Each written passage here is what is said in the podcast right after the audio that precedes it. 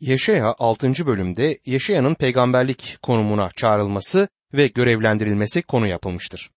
Yeşaya kitabı mantıksal olmanın yanı sıra kronolojik olarak da Yeşaya'nın yaşamındaki krizi oluşturan ve onun peygamberlik konumuna getirilmesini konu alan bu bölümle başlar. Bundan önce Yeşaya'nın yaşaması ve Tanrı ile ilişkisinin kaydı yazılmıştır.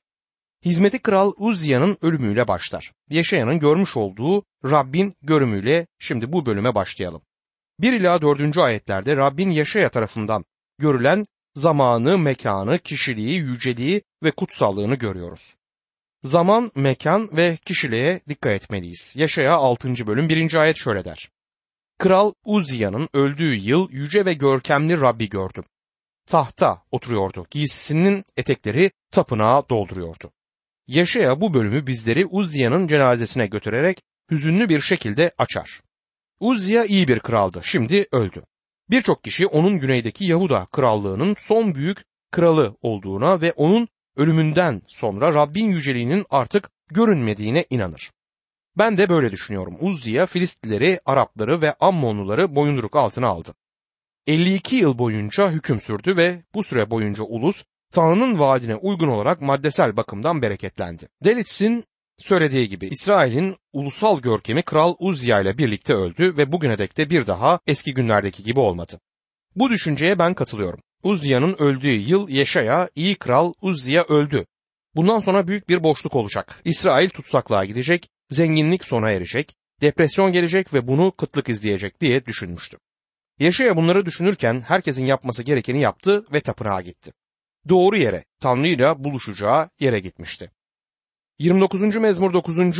ayetin sonunda onun tapınağında herkes yücesin diye haykırıyor der. Tanrı'nın tapınağında yaşaya ulusun gerçek kralının ölü olmadığı keşfini yaptı. Yüce ve görkemli Rabbin taht üzerinde oturduğunu gördüm. Giysisinin etekleri tapınağı dolduruyordu diyor. Yani Tanrı yönetimdeydi.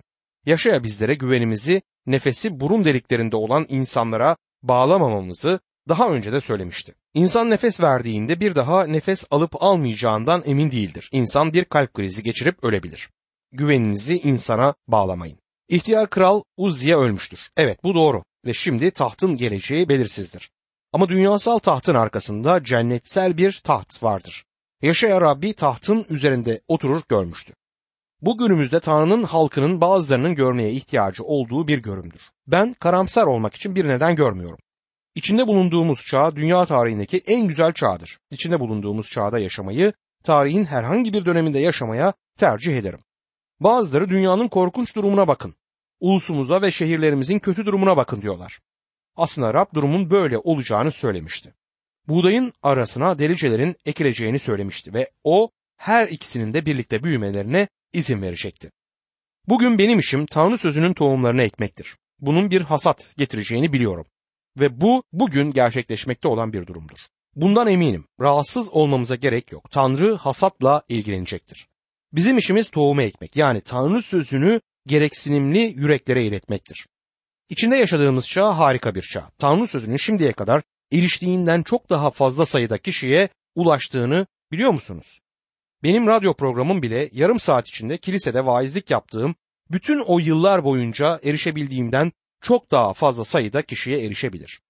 Ve mesaj büyük bir kapsamda bu insanlara ulaşmaktadır. Dünyadaki durumların endişe verici olduğunun farkındayım. Deliceler deliler gibi büyüyor ama epey de iyi bir tohum hasadımız var. Buğdaylar delicelerin yanı başında büyümekteler. Bu çağda Tanrı sözünü ekmek harikadır. Yaşaya tapınağa gittiğinde Rabbin hala tahta olduğunu görmüştü. Ve bazılarımızın da Tanrı'nın bizim zamanımızda da hala burada oturduğundan emin olmaya ihtiyacı var. Dualarımızı hala işliyor ve yanıtlıyor. Hala muhteşem şeyler yapar. Yaşaya tapınağa gittiğinde başka bir keşifte daha bulundu. Tanrı'nın yüksekte ve yüce olduğunu ve eteklerinin tapınağı doldurduğunu gördü. Tanrı hakkında keşfetmemiz gereken ikinci şey budur. Tanrı yüksektir ve yücedir ve günaha ödün vermeyecektir. Yeşaya 6. bölüm 2. ayette üzerinde seraflar duruyordu. Her birinin altı kanadı vardı. İkisiyle yüzlerini, ikisiyle ayaklarını örtüyor, öbür ikisiyle de uçuyorlardı diyor. Seraflar Tanrı'nın tahtının etrafındaydılar. bu kutsal kitapta yaratılmış varlıklardan söz edilen az ayetlerden birisidir. Onlar hakkında hemen hemen hiçbir şey bilinmez. Seraf yakmak anlamına gelir. Günah sunusu ve yargı ile ilgili olarak kullanılan bir sözcüktür seraf sözcüğü.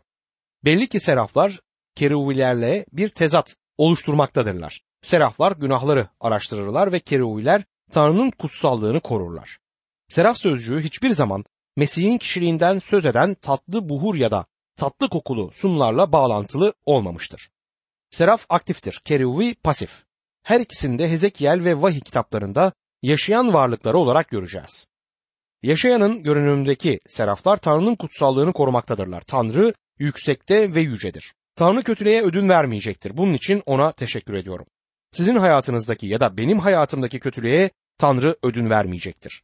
Çünkü bu dünyadaki bütün üzüntülerin kaynağı kötülükler ve günahtır. İnsanların saçlarını beyazlatan, ayaklarını sürmelerine ve omuzlarının düşmesine neden olan günahtır.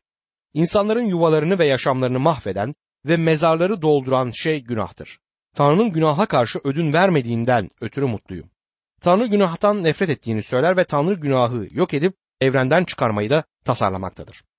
Günümüzde Tanrımız ödünsüz, tereddütsüz ve yoldan sapmadan günaha karşı ilerlemektedir.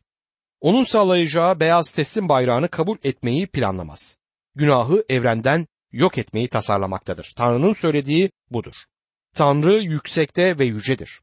Dostum sizlerin ve benim onun önünde eğilmemiz gerekir. Yaşaya Tanrı'yı tahtın üzerinde gördüğünde bu onun yere kapanmasına neden oldu. Kilisenin Tanrı hakkında bir başka görüme çok ihtiyacı var. Onun sadece sevgisinin değil, kutsallığı ve doğruluğunun görümüne de ihtiyacı vardır kilisenin. Tanrı kutsal olduğundan günaha karşı yargıyla ilerler. Ve benden hiçbir zaman kendi namına özür dilememi istememiştir. Bu yüzden bunu yapmayacağım. Tanrı günaha öfkelidir ve günah işlemekte olanları cezalandıracaktır. Tanrı bunu yapacağını söyler. Ayrıca sizin arkadaşınız olduğunu ve sizi kurtaracağını da söylemektedir. Ama onun yoluna gelmenizi ister. İmanınızı ve güveninizi oğlu Rab İsa Mesih'e getirmelisiniz. Yuhanna 14. bölüm 6. ayette İsa yol, gerçek ve yaşam benim dedi. Benim aracılığım olmadan babaya kimse gelemez. Yeşaya 6. bölüm 3. ayette birbirlerine şöyle sesleniyorlardı. Her şeye egemen Rab kutsal, kutsal, kutsaldır. Yüceliği bütün dünyayı dolduruyor. Bu Tanrımızın kutsallığı ve yüceliğini resmetmektedir. Yüksekte ve yücedir ve bizler bugün onu bu konumda görseydik bizleri alçak standartlara göre yaşamaktan kurtarırdı. Bazı kişileri de İsa ile sahip olduklarını düşündükleri fazla yüz göz bir ilişkiden kurtaracağından eminim. İsa'dan sanki sınıf arkadaşlarıymış, onunla istedikleri her şekilde konuşabilirlermiş gibi konuşuyorlar. Dostum Tanrı'nın huzuruna acele giremezsiniz. Buna izin vermez. Babaya Mesih aracılığıyla gelirsiniz. Ona yaklaşabilmemizin yolu budur. Kim olduğunuzdan ötürü asla babanın huzuruna çıkamayacaksınız. Onun huzuruna çıkabilmenizin nedeni Mesih'te olmanızdır. Rab İsa benim aracılığım olmadan babaya kimse gelemez dediğinde bunu çok açık bir şekilde bildirmişti. Eğer onun çocuğuysanız lütuf tahtına cesaretle gelebilirsiniz. Ama herhangi başka bir şeyi temel alarak onun huzuruna asla giremezsiniz. Yaşaya 6. bölüm 4. ayet serafların sesinden kapı söveleriyle eşikler sarsıldı. Tapınak dumanla doldu diyor. Tanrı'nın kutsallığını bildiren serafların sesinden burada söz edilir. Bunun Yaşaya üzerindeki etkisi ne olacaktır? Bakalım. Yaşaya 6. bölüm 5. ayet. Vay başıma mahvoldum dedim. Çünkü dudakları kirli bir adamım. Dudakları kirli bir halkın arasında yaşıyorum. Buna karşın kralı her şeye egemen Rabbi gözlerimle gördüm. Yaşaya bu deneyimi yaşamadan önce Tanrı'nın adamıydı ama bunun onun üzerindeki etkisi çok büyük olmuştur. Yaşayanın böylesi bir görüme tepkisi oldukça devrimcidir. Kendisini Tanrı'nın önünde gerçekten olduğu gibi yani mahvolmuş bir şekilde görmektedir. Tanrı'nın önünde olmak ona kendi durumunu bütün açıklığıyla gösterir. Tanrı'yı gördüğünde kendisini görebilir. Günümüzde çoğumuzun sorunu Tanrı sözünün ışığında yaşamıyor olmamızdır. Eğer yaşasaydık kendimizi görürdük. Yuhanna ilk mektubunun birinci bölümünde bundan söz ederek 1. Yuhanna 1. bölüm 7. ayette şöyle der. Ama o ışıkta olduğu gibi biz de ışıkta yürürsek birbirimizle paylaştığımız olur ve oğlu İsa'nın kanı bizi her günahtan arındırır. onun sözünün ışığında yaşarsak, yaşayanın gördüğünün aynısını yani mahvolmuş olduğumuzu ve dudakları kirli insanlar olduğumuzu o zaman görürüz. Eğer değerli olduğumuzu, bir şeyi hak ettiğimizi ya da Tanrı üzerinde herhangi bir hakkınız olduğunu düşünüyorsanız, Rabbi hiçbir zaman gerçekten dostum görmemişsinizdir. Eyüp'ün deneyimi de yaşayanınkine çok benzer ve tepkisi kendimden iğreniyorum olmuştur. Eyüp kendisini doğru gören bir adamdı. Kendisini küçük parçalara ayırmaya çalışan arkadaşlarının önünde saygınlığını koruyabiliyordu. Kendisine kötü bir günahlı olduğunu bu insanlar söylediler ama onların gözünün içine bakıp bildiğim kadarıyla ben doğru biriyim diyebilmişti. Kendi bakış açısından haklıydı ve onlarla olan mücadelesini kazandı. Ama Eyüp kusursuz değildi. Tanrı'nın huzuruna çıktığında artık doğruluğunu korumaktan söz etmek istemedi. Eyüp kim olduğunu gerçekten görmüştür. Eyüp 42. bölüm 5. ve 6. ayetlerde kulaktan duymaydı bildiklerim senin hakkında. Şimdi ise gözlerimle gördüm seni. Bu yüzden kendimi hor görüyor, toz ve kül içinde tövbe ediyorum dedi. Tanrı sözünün ışığında yaşarsanız kendinizi görecek ve Tanrı'nın çocuğu olarak bile sizi bütün günahlardan temizlemesi için İsa Mesih'in kanına ihtiyacınız olduğunu göreceksiniz. Tanrı'nın huzuruna çıktıklarında başka adamların da aynı tepkiyi gösterdiklerini görebiliriz. Yuhanna Baf adasında Vahiy 1. bölüm 17. ayetin başında şöyle der. Onu görünce ölü gibi ayaklarının dibine yığıldım. Daniel Rabbi gördüğünde Daniel 10. bölüm 8. ayette böylece ben yalnız kaldım. Bu büyük görümü seyrederken gücüm tükendi. Benzin büsbütün soldu, kendimi toparlayamadım der. Daha sonra Elçi Paulus olan Tarsuslu Saul'ün deneyimi de böyle olmuştu. Elçi Paulus Rab'le karşılaştıktan sonra kendisinin artık doğru olduğunu düşünen bir ferisi olarak değil, kurtuluşa ihtiyacı olan kaybolmuş bir günahkar olduğunun farkına vardı. Ve bundan sonra Filipeliler 3. bölüm 7. ayette ama benim için kazanç olan her şeyi Mesih uğruna zarar saydım diyebildi. Yani İsa Mesih'e olan ihtiyacını gördü. Yaşaya 6. bölüm. 6. ayette seraflardan biri bana doğru uçtu. Elinde sunaktan maşayla aldığı bir kor vardı diyor. Bu kor günah için gerekenin yapıldığı alevli sunaktan alınmıştı. Bir sonraki bölümde Mesih'in doğumunun önceden bildirilişini göreceğiz. Ancak bizi kurtaran Mesih'in beden alıp insan olması değil çarmıh üzerindeki ölümüdür. Bu nedenle yaşayanın Mesih'in ölümünü simgeleyen alevli sunaktan kora ihtiyacı vardı. Bu kor bizleri bütün günahlardan temizlemeye devam eden Mesih'in temizleyen kanını simgeler. Yaşaya 6. bölüm 7. ayette onunla ağzıma dokunarak işte bu kor dudaklarına değdi. Suçun silindi, günahın bağışlandı dedi. Yaşaya dudakları kirli olan bir adamdı ve temizlenmesinin şartı itiraf etmekti. 1. Yuhanna 1. bölüm 9. ayet. Ama günahlarımızı itiraf edersek güvenilir ve adil olan Tanrı günahlarımızı bağışlayıp bizi her kötülükten arındıracaktır der. Ben bu korun Rab İsa Mesih'ten başkası olmadığını söylemenin doğru olduğuna inanıyorum. Yüksek olan ve tahtın üzerinde olan yüce kişi odur ve çarmıhla yukarıya kaldırılan da odur. Onun yukarı kaldırılması kesinlikle gereklidir.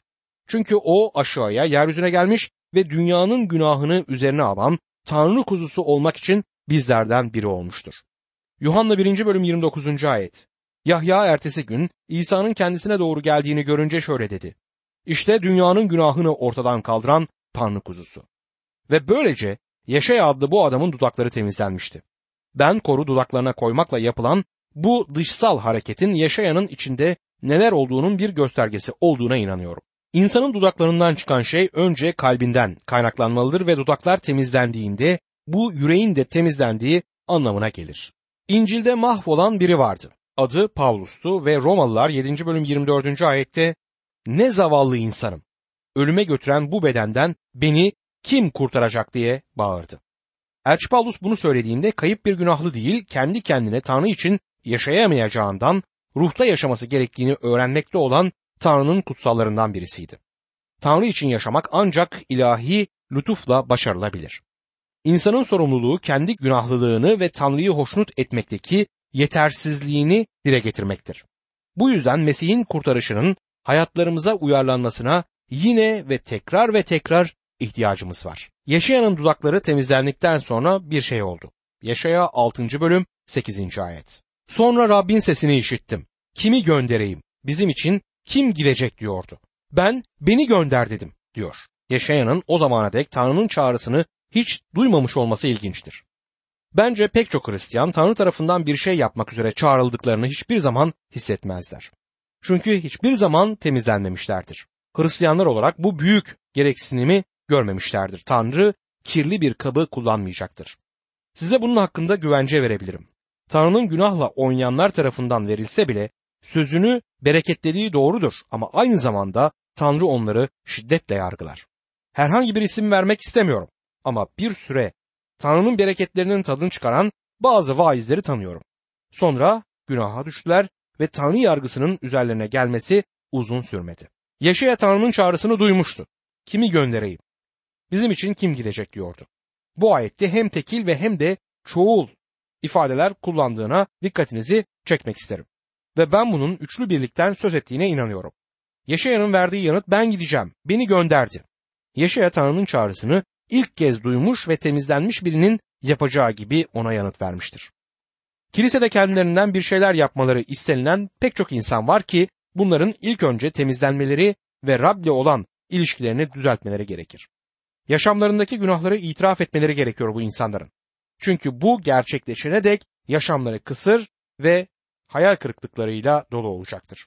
Şimdi Yaşaya'ya verilen göreve dikkat edelim. Yaşaya 6. bölüm 9. ayet. Git bu halka şunu duyur dedi. Duyacak duyacak ama anlamayacaksınız. Bakacak bakacak ama görmeyeceksiniz. Yaşaya'ya vermesi söylenilen mesaj tuhaftır. Bu halk tabii ki İsrail ulusudur. Yaşaya 6. bölüm 10. ayette devam eder. Bu halkın yüreğini duygusuzlaştır. Kulaklarını ağırlaştır, gözlerini kapat. Öyle ki gözleri görmesin, kulakları duymasın, yürekleri anlamasın ve bana dönüp şifa bulmasınlar. İlk bakışta peygamber kör, sağır ve yürekleri katılaşmış bir halka gönderilmiş gibi görünür. Ama Tanrı'nın kendi başlarına bırakılsa yumuşak olacak kalpleri asla katılaştırılmayacağını güvenle söyleyebilirim. Tanrı sadece katılığı, sertliği, inadı yüzeye çıkartır. Yüreği katılaştırmaz. Görmeyi isteyenlerin gözlerini körleştirmez ama o işe el atmadıkça bu insanlar asla göremeyeceklerdir. Tanrı'nın insanların yüreklerini katılaştırdığını ya da onları körleştirdiğini söylemek insanların akılsızca küfretmesinden başka bir şey değildir. Yaşayanın görevi halka ışık mesajını götürmekti. Işık sadece insanların körlüğünü ortaya çıkartır. Karanlıkta kör olup olmadıklarını insanlar bilmezler. Matta 13. bölüm 14 ve 15. ayetlerde Rabbimizin işleri kaydedilir. Ve şöyle yazar. Böylece Yaşayan'ın peygamberlik sözü onlar için gerçekleşmiş oldu. Duyacak duyacak ama hiç anlamayacaksınız. Bakacak bakacak ama hiç görmeyeceksiniz. Çünkü bu halkın yüreği duygusuzlaştı, kulakları ağırlaştı. Gözlerini kapadılar. Öyle ki gözleri görmesin, kulakları duymasın, yürekleri anlamasın ve bana dönmesinler. Dönselerdi onları iyileştirirdim diyor Tanrı sözü. Buna bir örnek vereyim. Küçükken babam bir ara hayvancılıkla uğraştı. Bazen bu hayvanlara yem verirdim. Kocaman bir samanlık vardı. Akşamları oraya bir gaz lambasıyla giderdim. Elimde gaz lambasıyla samanlığa girdiğimde iki şey olurdu. Fareler saklanmak için koşardı. Koşuşmalarını duyabilirdim. Ve çatı girişlerinde yuva yapmış olan küçük kuşlar da ötüp şarkı söylemeye başlardı. Işığın gelişi bazılarının kaçmasına, diğerlerinin de şarkı söylemesine neden olurdu. Peki fareyi fare yapan ışık mıdır? Hayır. Işık oraya gitmeden önce de fare vardı. Işık sadece onun fare olduğunu ortaya çıkartır. Rab İsa dünyaya geldiğinde dünyanın ışığıydı. Onun huzurunda iki şey gerçekleşti. Onun huzurunda olan bu iki şey bazılarının şarkı söylemesi, bazılarının da kaçmasıydı. Aynı düşünceyi bir başka öyküyle örneklendirmek istiyorum. Yıllar önce bir maden ocağında büyük bir patlama olmuştu ve madenin çıkışı kapandığından birçok kişi madende mahsur kaldı. Birkaç gün sonra bir kurtarma ekibi kazı yapıp bu mahsur kalan insanlara ulaştı. Onlara götürebildikleri ilk şeylerden biri ışıktı. Işık gelince genç bir madenci neden birisi ışıkları açmıyor dedi. Diğer madenciler şaşkınlıkla ona baktı ve birdenbire patlamadan ötürü kör olduğunu anladılar. Ancak kör olduğunu ona ışık gösterdi. Tanrı kimseyi kör etmez, kimsenin kalbini katılaştırmaz. Işık geldiğinde bireyin ne olduğunu bu ışık ortaya çıkartır ve yaşayanın sözünü ettiği şey de budur. Rab İsa Mesih'in bu parçada aktardığı da aynen budur. Elçi Paulus bizi her zaman Mesih'in zafer alayında yürüten, onu tanımanın hoş kokusunu her yerde aracılığımızla yayan Tanrı'ya şükürler olsun der. Çünkü biz hem kurtulanlar hem de mahvolanlar arasında Tanrı için Mesih'in güzel kokusuyuz. Mahvolanlar için ölüme götüren ölüm kokusuyuz. Kurtulanlar için yaşama götüren yaşam kokusuyuz. Böyle bir işe kim yeterlidir diye sorar. İnsanlara Mesih'i kabul etmeleri için bir davette bulunurken sık sık Mesih'i reddederseniz bu kiliseye kayıp bir insan olarak gelip kayıp bir insan olarak buradan çıkmanız anlamına gelir. Bundan böyle sizin dostunuz değilim çünkü şimdi artık Tanrı'nın huzuruna çıkıp da müjdeyi hiç duymadığınızı söyleyemezsiniz derim. Müjdenin ışığı kör olduklarını ve Mesih'i reddettiklerini ortaya koyar. O onları kör etmedi. Sadece körlüklerini ortaya çıkarttı. Bizi her zaman Mesih'in zafer alayında yürüten Tanrı'ya şükürler olsun. Biz her zaman zafer kazanırız. Kurtulanların sayısıyla övünmekten hoşlananlar var. Ancak ben binlerce hatta milyonlarca insanın Tanrı sözünü duymakta olduğuyla övünmeyi tercih ediyorum. Benim işim tohumu Tanrı sözüne ekmektir. İşitenlerin yüreklerine dokunmak Tanrı'nın ruhunun işidir.